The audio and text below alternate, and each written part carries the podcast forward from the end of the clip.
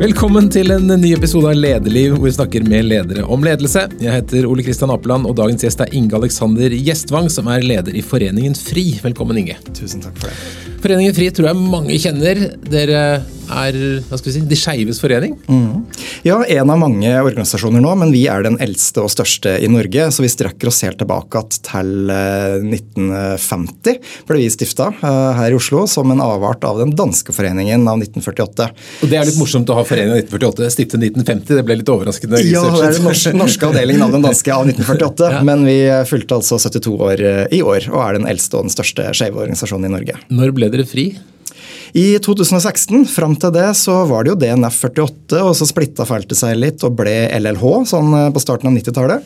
Eh, og så var det jo noe med det å være Landsforeningen for lesbiske, homofile, bifile, transpersoner og andre skeive som blir veldig langt. Vi ja. blir jo misforstått eh, og blanda litt med LHL, Landsforeningen for hjerte- og lungesjuke. Så det ja. å stå hyggelig tett i pusten og snakke om det her, det var jo en, en litt sånn halvartig sammenblanding der. Så i 2016 så bytta vi navn til FRI, Foreningen for kjønns- og seksualitetsmangfold. For i det mangfoldet så er det ganske mange identiteter, og ingen nevnt, ingen glemt. Nei, for det er ganske vanskelig, for man snakker sånn LHGBT pluss. Altså det begynner å bli veldig mange bokstaver? Ja, jeg pleier ofte å si at det er litt sånn eh, bokstavkjekspakke som er veldig fin å ha der. Altså det, det, ligger jo mye god helse i å finne sin bokstav. Hvem er det jeg er? Eh, på livets koldtbord. Eh, så samtidig så er det viktig for oss i kommunikasjon å kunne ha litt sånn kort korte begreper som, som ligger godt i munnen, mm. eh, og hvor vi slipper å ta høyde for at vi, vi, glemmer noen. At vi heller kan prate om det mangfoldet som finnes innenfor kjønn og seksualitet, uten å ramse opp den og den og den identiteten. Men jeg tror mange syns det er litt vanskelig, for man er redd for å krenke noen eller glemme noen, ikke si eh, alle de riktige bokstavene. Sånn. Hva, hva, er det enkleste man kommer unna med, for, som man kan si som, som favner hele gruppen? Eh, LHBT pluss merker jeg at jeg bruker ofte. For det er lesbisk, homofile, bifile og transpersoner. Man ser ofte at det LHBT eh, mm. blir mye brukt. Og så syns jeg det er fint å hekte på en liten pluss eh, som signaliserer at derutover er det, er det mange andre av oss. Kan man også bruke skeive? Definitivt. Eh, jeg er veldig glad i begrepet skeiv. Det er mange som syns at det rommer eh, et litt sånn udefinert brudd med noen normer eh, for kjønn og seksualitet. Begge deler, f.eks. Og så har du de av oss som sier nei, jeg er ikke skeiv, jeg er homofil. Jeg har vært det hele mitt liv og ønsker å være det.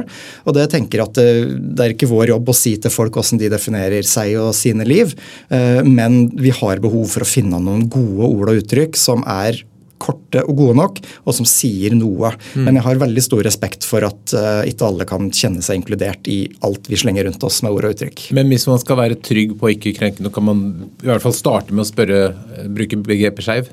Absolutt. Eller uh, hvilket ord bruker du om deg sjøl? Mm. hvis man møter noen som du tenker at oi, her skal jeg spørre, liksom, hva, hva bruker du om deg sjøl? Sier mm. du homofil, eller sier du skeiv, eller hvem er du? Mm. Så det å kunne stille et spørsmål, hvem er du, hva slags pronomen bruker du?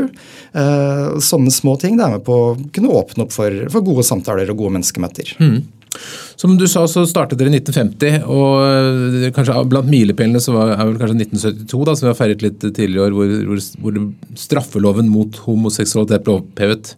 Eh, men hvor er vi i dag? Er vi, hvor, hvor, nær, hvor nær det perfekte er vi?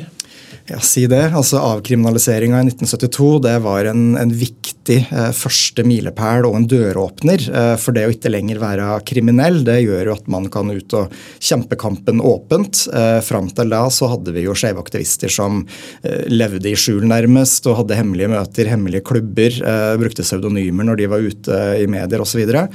Eh, så det å ikke lenger være kriminell var en viktig, viktig døråpner. Og så har vi etter hvert eh, ikke lenger eh, er syke. altså Det å få en avdiagnostisering var jo et viktig steg. Og så er det jo til en viss grad at, sånn at, er, at det er sånn at vi er syndige mm. i noens øyne nå. Mm. Men det har skjedd en, en, rivende utvikling de siste 50 år. Vi har aktivister som har vært med eh, siden 60-tallet og som sier at eh, det er et science fiction-liv eh, som vi kan leve nå i dag, som vi aldri hadde sett for seg. Men fortsatt så er det jo sånn at skeive, folk ikke-heterofile vi møter jo en del utfordringer i samfunnet, og så har vi ferske forskningsrapporter som sier noe om at eh, ikke-heterofile har f.eks. dårligere livskvalitet enn vår heterofile motpart. Og så kom det òg en levekårsundersøkelse fra Bufdir i fjor som sier at pila går i noenlunde riktig retning for lesbiske homofile, men for de av oss som er bifile og transpersoner, så er det utfordrende fortsatt. Så den store overordnede overskrifta for meg er nok levekår og livskvalitet. Mm. Og at den blir god nok, uh, og at vi er likestilt uh, med majoritetssamfunnet. Men vet vi noe om hvor, mange, hvor stor del av befolkningen som er skeive? Det varierer veldig ut fra åssen man eh, spør. Eh, så, så Bufdir, Barne-, ungdoms- og familiedirektoratet, de, de, har noen anslag på sine, sine sider. Eh, altså Det varierer mellom 2-3-4-5% osv. Mm. Men det, det, har å gjøre med hvordan man stiller spørsmål, og om folk føler at det, treffer de, og at de krysser av riktig, da, for å si det mm. sånn, når mm. det er forskning osv. Så videre. sånn det det er, en, eh, det er en, minoritet, men samtidig så, så, er vi mange, og stadig flere blir eh, synlige og åpne om hvem de er. Men Det blir sånn ca. én i hver skoleklasse? Definitivt. Eh, og det er noe med det for meg som, som gammel lærer og skoleleder, så, så er det jeg er veldig opptatt av skole, og at eh, skolen skal være for alle. At det, det kommer fra alle samfunnslag og med alle opplevelser og erfaringer og alle slags liv mm. på plass i det klasserommet. Eh, og der har vi også skeive barn og unge. Eh, barn og unge som lever i skeive familier og har skeive nærstående. Og brennende opptatt av at det psykososiale miljøet på skolen også skal ha rom for skeive kids. Mm. Mange av de som jobber, eller de fleste av de som hører på Lederliv, er nok ledere i, på jobben. Hvordan er det, er det greit for alle å si på jobben at de er uh, skeive? Eller er det noen som holder hemmelig fortsatt? Ja, forhåpentligvis så, så, blir det jo lettere å kunne være åpen om hvem man er. Eh, så tenker jeg at eh, du har jo ingen opplysningsplikt om hvem du deler ditt liv med, eller hvem du forelsker deg i, eller hvem du er eh, som person. Eh, men samtidig så er det jo mye god psykisk helse å kunne være åpen og komme på jobb med hele deg. Ehm, så, så, det er vanskelig å si noe kategorisk om, om, hvor mange som lever gode liv åpent på jobben, og hvem som ikke gjør det. Men uh, vi ser at det er ganske mange arbeidsgivere som, uh, som, legger til rette for åpenhet, og det er arbeidsgivers eh, ansvar, tenker jeg. At man uh, sørger for at her her tegner vi et bilde av en arbeidsplass hvor det er rom for å komme sånn som du er. og At du er velkommen, og vi er interessert i dine kvalifikasjoner. Hvordan kan arbeidsgiver gjøre det på en god måte? Liksom vise at man er åpen? Eh, ja, veldig godt spørsmål. Det er liksom vanskelig å si uh, hva som er liksom quick fix uh, på det der. Men, uh, men f.eks. Uh, Eh, et, et, godt og nøytralt språk, f.eks. Ikke anta at folk er gift med noen av det såkalt mm. motsatte kjønn. Eh, vi hører jo noen eksempler på, på folk som har eh, fått invitasjoner til julebord, altså hvor det gikk blå invitasjoner ut til herrene og mm. røde ut til mm. damene. Og, og det sto liksom 'jeg tar med kona di eller ta med mannen din. og og, og, og, sånne småting altså i, i det hverdagslige, det, det, er med på å måtte, åpne opp. da, Ved å f.eks. Uh, bruke ord som partner og, og liksom ikke anta noe om de ansatte, og samtidig være bevisst på om det er eh, vitsing eller eh, negativ omtale av minoriteter osv. At man er eh, tydelig og så forvalter de verdiene som bedriften har i det daglige. Og For det er lett å si på en generalforsamling eller ha noe styrende dokumenter hvor det står at vi er for mangfold, mm. men i det øyeblikket det dras grove homovitser ved lunsjbordet og ingen reagerer og stusser på det, så, så har ikke det noe noe effekt. Så vi er veldig opptatt av det at eh, festtalene de må omsettes til, eh, til, praksis, og at du kan ikke vedta å ha en god og inkluderende arbeidsplass. Det må du vise hver eneste dag. Men Dere er jo opptatt av um, likhet og rettigheter. Er arbeidsliv et av de stedene hvor, eller er det noen utfordringer knyttet til det spesielt i arbeidslivet? Ja, det er jo det med å kanskje kunne, kunne være den man er, da. Uh, og f.eks. Eh, vi, vi jobber jo òg for, for, transpersoner som gruppe. Uh, for de av oss som er ikke-binære transpersoner, f.eks. Som ikke uh, kan definere seg inn i det tokjønnsmodellen som heter. Sånn én av to bokser, enten mann eller kvinne. Mm. og mange syns det er utfordrende når de f.eks. søker jobb, at de blir tvunget til å krysse av for en kategori de ikke er, mm. uh, osv. Så sånn at det er Eh, mange store og små ting da, som kan påvirke folks arbeidshverdag, og som påvirker deres evne til å kunne gjøre en så god jobb som, eh, som mulig. Du, skjønner, du, kan, du kan ikke snakke for alle skeive, men, men, tenker du at det er mange som har en øh, frykt for å være åpen om det i f.eks. en jobbsøkerprosess? Det, det, kan være. Uh, som som skeive så har vi nok en litt sånn iboende frykt for å uh, skille oss ut. At det er noe vi har med helt fra barnsben mm. av. Uh, hvor du går i en barnehage, går i en klasse, og det etter hvert å, å skille seg ut litt blir, blir vanskelig. Det er fortsatt sånn at uh, homo er et av de mest brukte skjellsorda i norsk skole. Uh, og ting som er brukt som skjellsord, det er jo ikke noe du ønsker å være. Uh, så, så, så, mange er usikre på i hvor stor grad de kan være åpne, og hvem det er. Og at vi tar med litt av de erfaringene, åssen vi har blitt møtt da, mm. fra storsamfunnet. hver gang vi, vi, åpner et kommentarfelt eller en avis eller går ut på gata og går gjennom en folkemengde, er det noen som reagerer og sanksjonerer på åssen jeg er, kan jeg holde kjæresten min i hånda osv. At det, som minoritet så er det nok alltid en sånn iboende usikkerhet for mange av oss eh, om åssen vi blir møtt og vurdert. Hmm. Nå fikk jo foreningen og, og skeive generelt mye oppmerksomhet i sommer etter eh, dette skyteepisoden, masseskytingen i Oslo. Um, hva har den gjort for, for deg og foreningen, og hva, hvordan, ble, hvordan, ble, den sommeren? Eh, mange av oss har nok eh, godt å vente. Det er kanskje litt sånn fælt å si det, men at uh, vi, vi, ser en retorikk og et politisk klima rundt omkring i verden. Vi, vi vet at mange av oss uh, opplever hat og vold uh, på gata og, og i utelivet. Og, og, tenker at med, det, med, den retorikken som blir brukt, da, det hatet som finnes der, når er det noen tar neste steg ut og, og gjør alvor og setter det hatet her ut i praksis? Så for, for majoritetsbefolkningen, for, for, Norge, så tror jeg nok det var litt sånn overraskende å høre at eh, mange skeive går rundt og er redde. Mm. At vi ikke ble redde over natta, eh, natta til 25. juni i år. Men at vi har eh, Det er alltid sånn at vi, vi, kaster et ekstra blikk rundt oss når vi er ute i offentligheten og er litt sånn usikre på hva tenker omgivelsene om oss. Um, så, så, så, når dette skjedde, så var det mer sånn Nå skjedde det? Det var ikke så uventet? på en måte? Ja, nå, nå, nå fikk vi det her. Uh, altså i, uh, i juni i, i, 2016 så var det nærmere 50 personer som ble, ble drept på en skjev uteplass i Orlando i Florida. Uh, det var en veldig skjellsettende opplevelse for, for mange av oss. Jeg satt i sentralstyret til FRI på den tida. Eh, vi hadde akkurat liksom, eh, lokka igjen kofferten etter regnbuedagen i Bergen og er på litt den der pride-rusen hvor vi liksom får det skeive friminuttet, og her er det rom for å være oss sjøl, og vi er synlige og vi er sammen. Uh, og, og, på vei fra Bergen og Oslo Pride var rett rundt hjørnet, så, så ser vi at det er noen som går inn på en skjev uteplass i, USA og dreper 50 eh, og skader like mange. Uh, det òg gjør at uh, vi blir veldig påskrudd og tenker når kan det skje, kan det skje her? Uh, og så går det noen år, og så får vi et angrep i gata hvor det ligger en skjev uteplass. Det er kvelden før den store paraden under pride. Det er en tilknytning til et miljø som gjør at politiet på morgensida da kontakter oss og sier at nå må alt med regnbuer på stoppes. Eh, også tilhørende fester eh, som ikke var i Oslo Pride sin regi, eh, ble anbefalt eh, stoppa.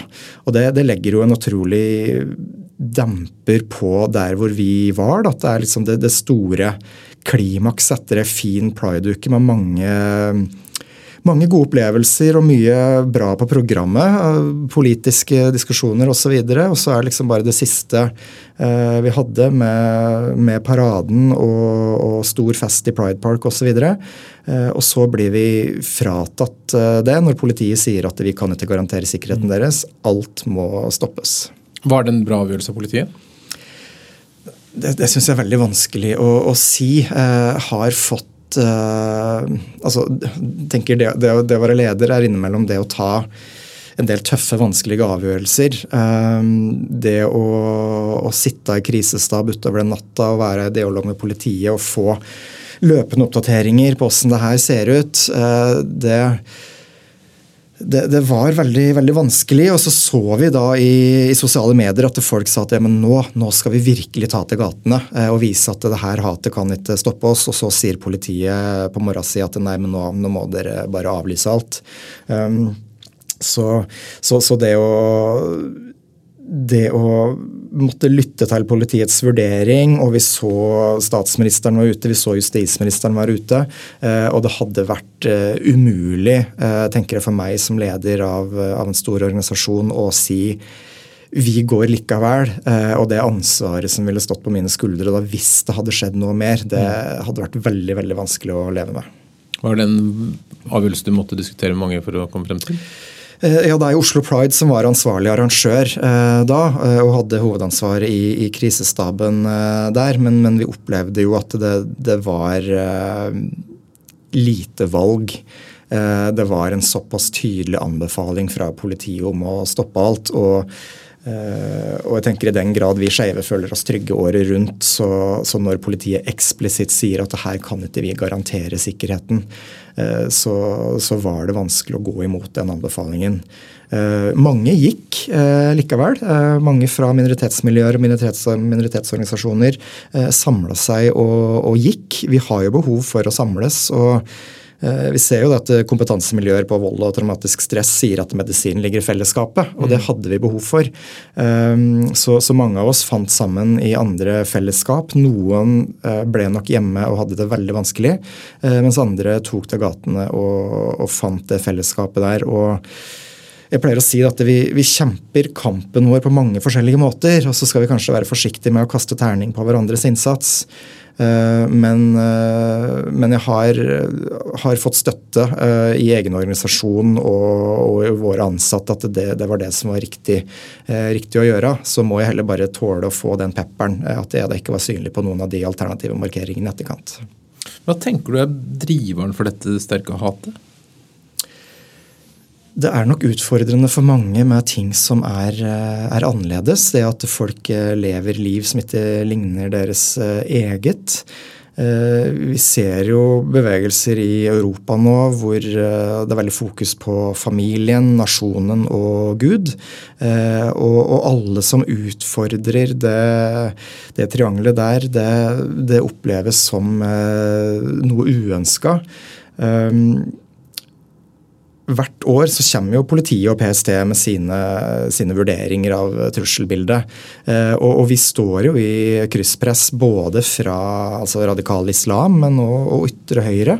Eh, og, konservative religiøse miljøer på, på, alle hold som mener at vi, vi, lever liv på måter som ikke er, er ønska. Eh, og, og, den diskursen og den debatten har vi egentlig alltid stått i. Eh, og så er det den usikkerheten når det da påvirker mennesker så langt at det, det tys til vold eller det tys til eh, drap. Så det, det, er et landskap som vi må navigere i, i hele tida, og som er eh, til tider veldig tøft.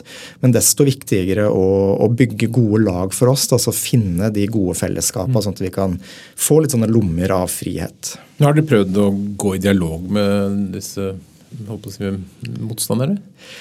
Eh, ja, jeg pleier å navigere litt etter en sånn trafikklysmodell når det gjelder å, altså den grad man sorterer folk. Da, at vi, vi, har våre støttespillere som er på grønt, som er veldig eh, Som vi bare pleier. Og vi tar vare på og sørger for at de er fortsatt gode støttespillere.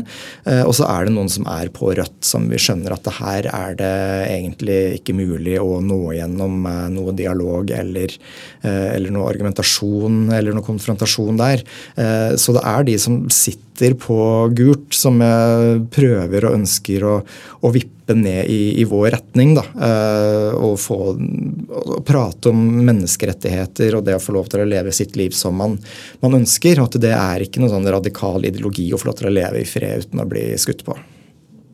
Men er det øh, hvordan, hvordan, føler du det selv, den personlige opplevelsen din når du møter sånn, sånn hat?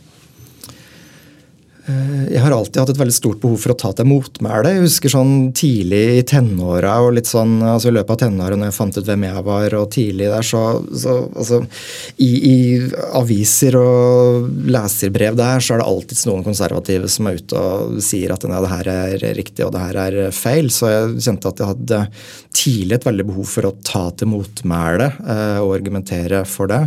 Um, og det det oppleves jo ganske sånn utmattende til tider. At han står liksom og står i en storm eh, kontinuerlig av folk som mener du er syndig, som mener du er feil, som mener at du ikke burde være så synlig som du er. Eh, at du, du, er grisete, at du, du, lokker til deg barn, groomer barn, eh, jobber for å fremme pedofili. Eh, så er det noe med å sortere litt, da, tenker jeg. At det er noe som er umulig å forholde seg til, som bare må være der som en slags støy. Og så gjelder det å rette innsatsen mot eh, der det gir resultater.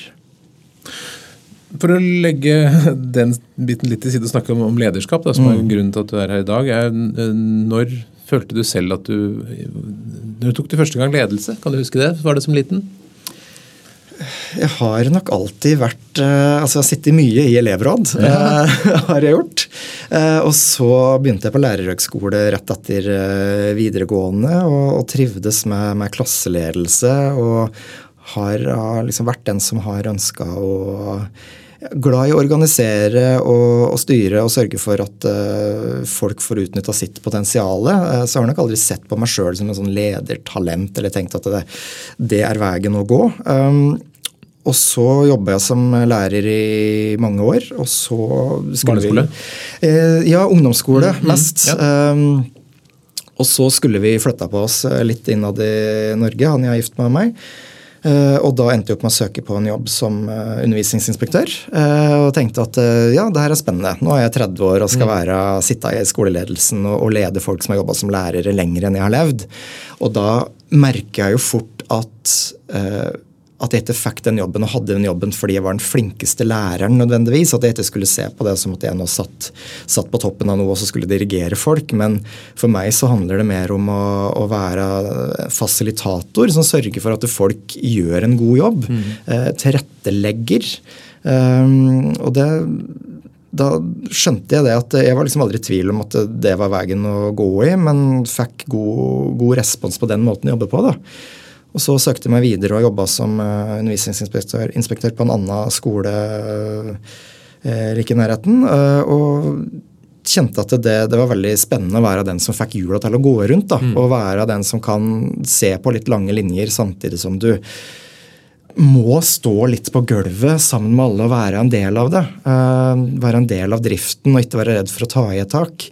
Uh, og jeg tenker at eh, jeg har hatt min andel av å ligge under vasker på elevdoer og demontere de og fjerne papir som er stappa nedi og sånne ting. og tenker at Det er liksom, eh, viktig at man er med og drar lasset. har vært veldig viktig for meg at jeg ikke har eh, hatt behov for å føle meg noe bedre enn andre. at det eh, Heller det å lede dyktige lag eh, har jeg vært veldig opptatt av.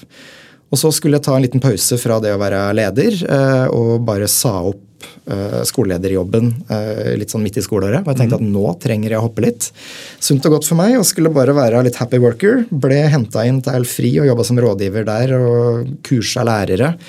Um, en stund og tenkte at det er fint, og så uh, plutselig så ble jeg leder og stilte jeg til valg i, i 2020. Plutselig så skjedde det. det- Du, du, ja. du, du, du må legge til en prosess bak hvor du tenkte at dette kan jeg lede. Ja, for, eh, for eh, min forgjenger Ingvild Endestad, eh, som jeg har virkelig sett opp til og er veldig glad i Ingvild, tok ikke gjenvalg da i 2020. Plutselig så tok eh, valgkomiteen da kontakt med meg og sa hei, navnet ditt har dukket opp, vil du ta en prat? Så sa jeg nei, det vil jeg ikke. Nå skal jeg bare jobbe og være rådgiver eh, og trives med det. Eh, og så tok det en dag, og så sa jeg at men ok, jeg kan ta en prat. Og da var det nok sådd et lite frø som gjorde at jeg stilte til valg og ble, ble valgt høsten 2020.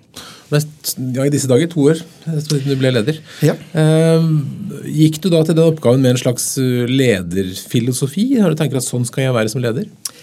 Det er nok det å lede gode lag, for jeg tenkte det at jeg eh, jeg kan mye, men jeg kan ikke alt. Eh, og det er ikke sånn at jeg skal stå mutters alene og lede en organisasjon og lede et kontor. Eh, og, og lede alle våre fylkeslag og stå i alt alene. Eh, jeg visste hva slags kapasiteter som, som var på kontoret der. eh, hva slags eh, kultur det var i organisasjonen, og hva slags rigga system jeg kom til. eh, og tenkte at eh, det ligger en del trygghet eh, i det. Og det gjorde at jeg turte å gå inn i det. Så det er jo noe med det å lytte til folk som har erfaringer eh, fra Altså både fra, fra lengre, lengre perspektiver på meg, som har vært med noen runder før. Eh, samtidig som det er folk med andre opplevelser av, eh, av hva som er riktig og viktig å gjøre. Så det, det å være litt den svampen som tar til seg de gode ideene, og så bidrar til å sette det ut i livet, det er jeg veldig opptatt av. Og være klar over at det handler lite om meg, sjøl om jeg er det ansiktet som er utad i media og utad og prater og er synlig, så, så er det de laga som er rundt meg, som er viktige. Og at det er viktig å aldri stå mutters alene i noe. Ta en avsjekk og, og sørge for at det er et større vi. Uh, det er jeg veldig opptatt av. Så det, I den grad jeg har, har noe veldig sånn uttalt filosofi, så er det nettopp det å være den som, som leder laget, tror jeg. Samtidig så er du jo litt, man blir litt alene òg. Mm. For det, du er ikke akkurat som de andre du, du er ikke som de andre lærerne du respekterer. Du er ikke som de andre på kontoret når du er sjefen. Nei. Føler du litt på den en og ensomhet rundt det?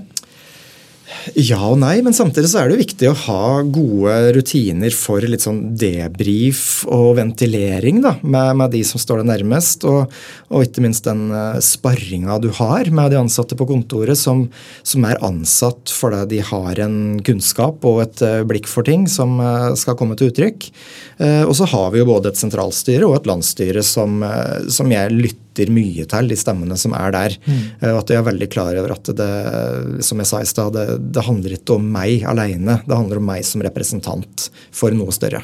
Men Nå snakker du mye med denne gjengen på kontoret som er 20 stykker, men dere er altså over 4000 medlemmer. Er du, er du mye ute og er synlig for alle disse medlemmene? Ja, forsøksvis. Eh, det var jo veldig utfordrende å bli valgt til eh, leder på digitalt eh, landsmøte i små kohorter rundt omkring i, i Norge. Og så bli valgt, og så yes, da er det rett på hjemmekontor under ei trapp på Hadeland. Så, så, det å ha en sånn jobb som handler mye om nettverksbygging og lobbing og, og møtevirksomhet, å sitte på hjemmekontor, det var veldig, veldig utfordrende mm. og veldig vanskelig og kjedelig. Mm. Så, så når ting har løsna pandemimessig, så har det vært eh, Kanskje litt sånn overivrig virksomhet eh, fra min side, da, men å, å, å, farte rundt Det er jo en lang pridesesong i Norge som starter i februar på Lillehammer, avslutter i november i Tromsø. Eh, og da, da, er det mange eh, byer og bygder som, eh, som skal besøkes. Eh, og det har vært spesielt viktig nå etter terrorangrepet å reise rundt og å møte folka våre eh, og, og, trygge folka våre og være til stede og stå på arrangement sammen med de. Så du har hatt mange dager pridefeiring? Ja, altså mange tenker at det er veldig mye fest, og, og ser litt sånn på meg altså når jeg velger å kjøre alkoholfritt og tidlig opp om morgenen. og litt sånn, Så sier jeg at altså, du er på to prider i løpet av året, pleier å si, mens jeg er på min nummer. altså Jeg husker ikke engang. Mm. Uh, så jeg er veldig takknemlig for tålmodig mann der hjemme som lar meg flakse. Og det har vært mange reisedøgn nå, men det har vært en prioritering, spesielt eh, etter pandemien og i terroråret 2022. Har du da et, et slags eh, fast budskap, et mantra, som du gjerne snakker om når du er ute hos medlemmene? Ja, det er jo det å løfte arbeidet som gjøres. For det er jo, vi er jo en frivillig organisasjon. Uh, utover våre ansatte så er jeg den eneste tillitsvalgte som er frikjøpt. Mm. Uh, resten uh, sitter i styre og stell og, og bidrar frivillig. og jeg er veldig ydmyk og takknemlig for den, den tida som folk investerer. Jeg er veldig opptatt av å som jeg var inne på i stad, det å fasilitere for at folk skal gjøre en god jobb. Eh, og det, det å, å, hjelpe til og å, å bidra lokalt er veldig viktig. Og så har vi jo hele tida politiske saker og fokusområder som, som jeg sørger for å løfte når jeg er ute og holder appeller og prater mm. med folk og lokalmedier osv. Hvilke saker har du helst holder appell om? Ja, det er jo igjen det, det store overordna med livskvalitet og levekår og det å, det å, være likestilt er veldig viktig. Eh, det å kunne ha en god psykisk og fysisk helse er veldig opptatt av. Det, det med fellesskap og det å få være en del av samfunnet og bli ivaretatt og respektert eh, er jeg veldig opptatt av. Eh, I år har det jo naturligvis vært mye om avkriminaliseringen i 1972. Mye om terror.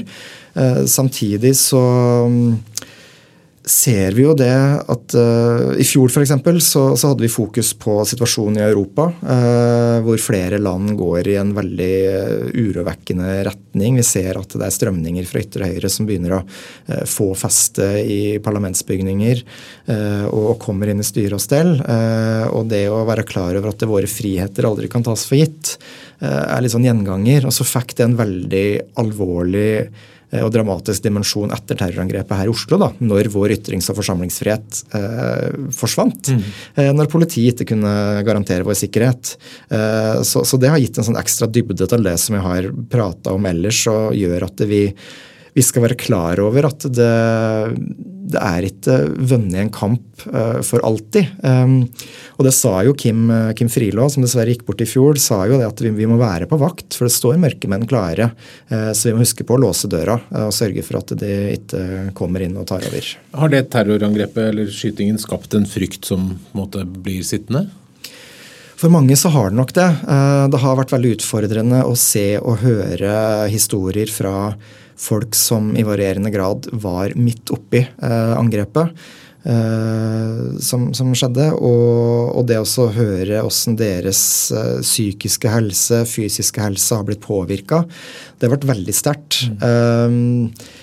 Vi, vi, merker jo det at uh, folk har behov for å ivareta seg sjøl og overleve. At det er begrensa kapasitet til organisasjonsarbeid og det å bidra uh, her nå. Så, så, jeg har kjent det at vi vi har landsmøte nå i november, og jeg merker at oppkjøringa mot det, det, det, er i stor grad prega. Uh, fordi det er andre fokusområder enn å um, å, tenke så mange store politiske saker utover det å, å, å få overleve og ivareta oss sjøl. Mm. Så vi, vi, har utkast til uh, politisk plattform og arbeidsprogram, og, og, og hjula ruller og går. Men jeg merker at det, det koster for folk, og mye av det handler nok om eh, hvor prega vi er eh, etter å ha blitt skutt etter og sett eh, folk vi er glad i bli skutt etter. Så selv om man går ut og måtte reise seg og skal slå tilbake, sånn, så setter det arr? Ja, vi kjenner nok mye på det at vi ser oss litt ekstra rundt oss i byen og, og litt klamme i hendene. og at det, det, er vanskelig å føle seg trygg hele tida. Uh, og så er jeg veldig glad for åssen politiet har stilt opp på mange av de pridene nå etter Oslo. Uh, men det er unektelig veldig spesielt å sitte på en dragbingo i Kristiansand med uniformert politibil utafor, og mm. være på fester under en pride med sivilt politi eh, som sitter oppå et galleri der. Um, gikk i eh, paraden og i Kristiansand sammen med kultur- og likestillingsminister Anette Trettebergstuen. Eh, og der var vi òg godt pakka inn av hennes eh, sikkerhetsopplegg, men òg mm. politiet. Så det, det gjør jo noe med oss, eh, så vi er glade for åssen vi blir beskytta, men samtidig skulle ønske at vi ikke trengte å være det. Og den, eh, det regnbuetoget som da ble markert eh, her i Oslo den, den 10.9., eh, det å skulle ta tilbake gatene og det å skulle kjenne på en trygghet at mens det er skarpskyttere på tak og det flyr droner og sånn mm. over, mm. det, det, er vanskelig å kjenne seg 100% trygg der. Så, så, for mange så var den dagen veldig vanskelig. Noen kjente det nok som litt forløsende, mens for andre så var det vanskelig eh, å, å, kjenne at nå er vi tilbake igjen. Mm. Hva syns du er mest utfordrende med å ha en sånn ledig jobb? Jeg kjenner eh, mye på dårlig samvittighet, for at tida ikke helt strekker til. Ehm, det er alltid noe som man kunne ha gjort litt bedre. Alltid sånn flere telefoner du kunne ha tatt, noen saker du burde ha fulgt opp mer eh, og vært litt mer eh, på. Så det syns jeg er veldig utfordrende å klappe inn datamaskinen og si at nå er det bra for i dag. Um, det syns jeg er uh, veldig utfordrende å ikke helt få til alt man har lyst til å få til. Uh, og så er jeg veldig klar over at det her er et, uh, et tillitsverv. Organisasjonen har vist meg en enorm tillit, og det krever jo at jeg er på jobb og på vakt for de som har vist meg den tilliten eh, her. Men det, det, gjør jo at det blir veldig lange dager. For eh, våre frivillige har jo jobber og studerer osv. Og, så og når de jobber med de tinga her, er jo jeg egentlig ferdig med kontordagen.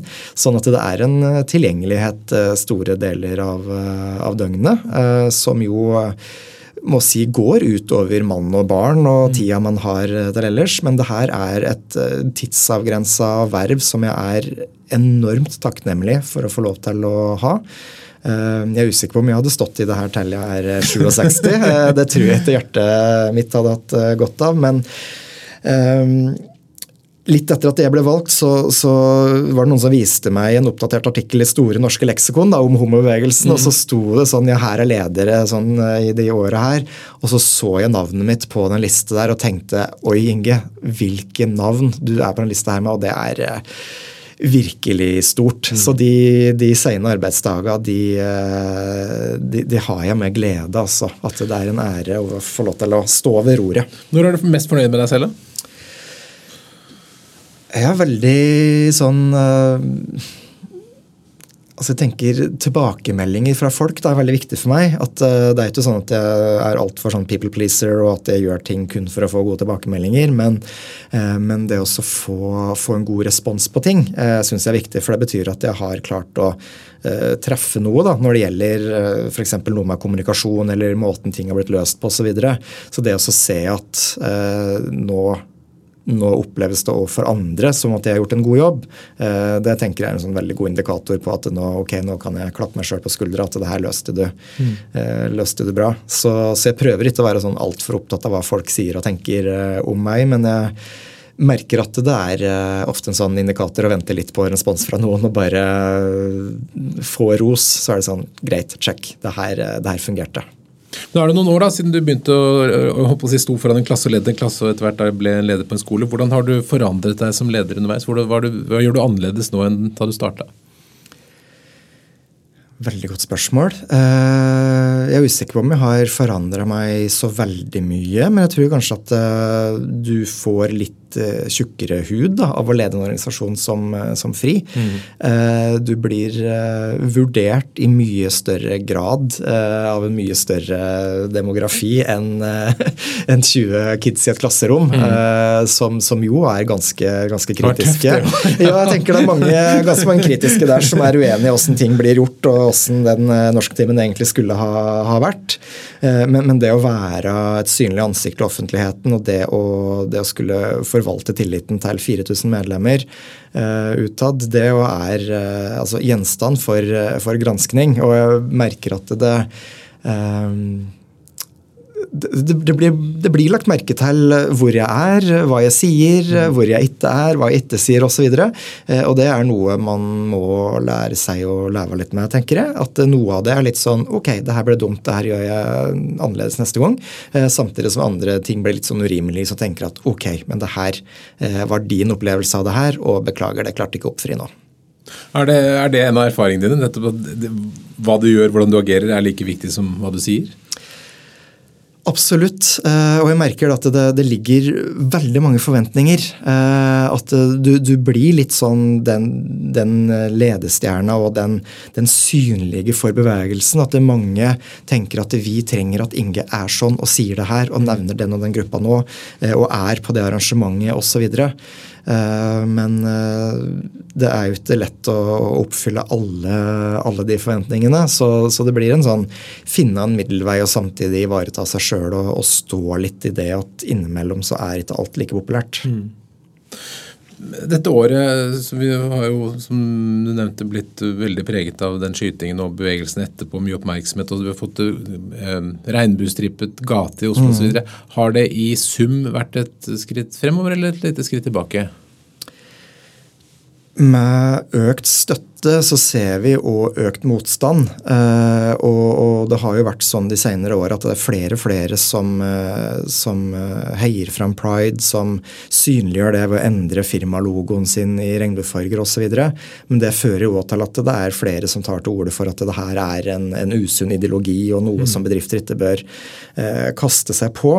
Um, og jeg var jo veldig spent på åssen det ordskiftet skulle bli umiddelbart etter terroren, og det, det tok dessverre ikke mange mange dager før vi var tilbake til de sedvanlige leserinnleggene fra konservativt hold i lokalaviser som sier at nei, men ikke støtt pride, de jobber for sånn og sånn og sånn. og sånn. Ehm, så, så jeg merker at mange har nok blitt veldig klar over hva som står på spill da, av, eh, av verdier i Norge og, og, hvem vi ønsker å være som samfunn. Eh, for mange sier jo det at åssen uh, et samfunn tar vare på minoritetene sine, sier noe om kvaliteten på det samfunnet. Uh, og for mange har det nok vært en veldig sånn øyeåpner at minoriteter aktivt blir gått etter fysisk med, med, kuler eller i kommentarfelt. så jeg merker at det er veldig mange som, som støtter og nå tar side, som har skjønt at her er det vanskelig å, å sitte på gjerdet og være en sånn stilltiende alliert som, eh, som, som, heier, men som ikke gjør det nødvendigvis like, like aktivt. Eh, Og det har vært mange som har fortsatt med regnbuefarger på Facebook-profilene sine. Både bedrifter og privatpersoner. Er, jeg ser mange regnbueflagg når det går gjennom byen. Mange som har skjønt at uh, nå er det ikke bare pride måned juni eller når det er pride akkurat på min hjemplass at vi trenger å flagge, men at det her er noen overordna verdier som, som, står på spill, da, som vi trenger å, å hegne om. Når du snakker om verdi for nasjonen, så kommer jeg til å tenke på kong Harald og hans tale med mm. gutter som ikke gutter osv. Betydde den noe for miljøet? Definitivt.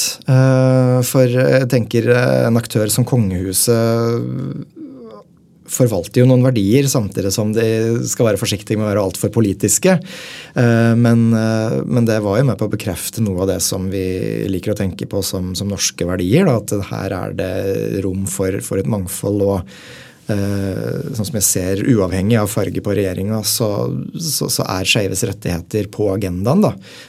Veldig mange politiske partier har klar og tydelig skeiv politikk. og og, og, jobber på og, og, samarbeider med oss i den skeive bevegelsen. Så jeg er veldig glad for det. Og, og det å ha en aktør som, som, kong Harald som så eksplisitt sier det, mm. det har nok betydd veldig mye for, for mange av oss. At det er en figur som mange er glad i, som, helt eksplisitt sier at det, det her er òg en del av mm. mangfoldet. Og så ga du meg ikke et helt tydelig svar på det forrige spørsmålet. Ble 2022 et skritt frem eller et skritt tilbake, eller hvor er vi? For eh, støttespillere til den skjeve bevegelsen, altså, altså, støtten vi opplever, så tror jeg nok at det er et steg fram. Uh, at man ser at uh, nå, nå, trenger vi å støtte, men jeg tror for mange skeive sjøl så har nok mange opplevd at det er et steg tilbake at, At man, eh, man, ser seg litt ekstra rundt når man er på gata. Tør jeg stå i kø utenfor et skjevt utested osv. Eh, jeg har mye løpende dialog med, med andre tillitsvalgte og ledere i skeive mm. organisasjoner, og de melder om at det er mange som har det vanskelig.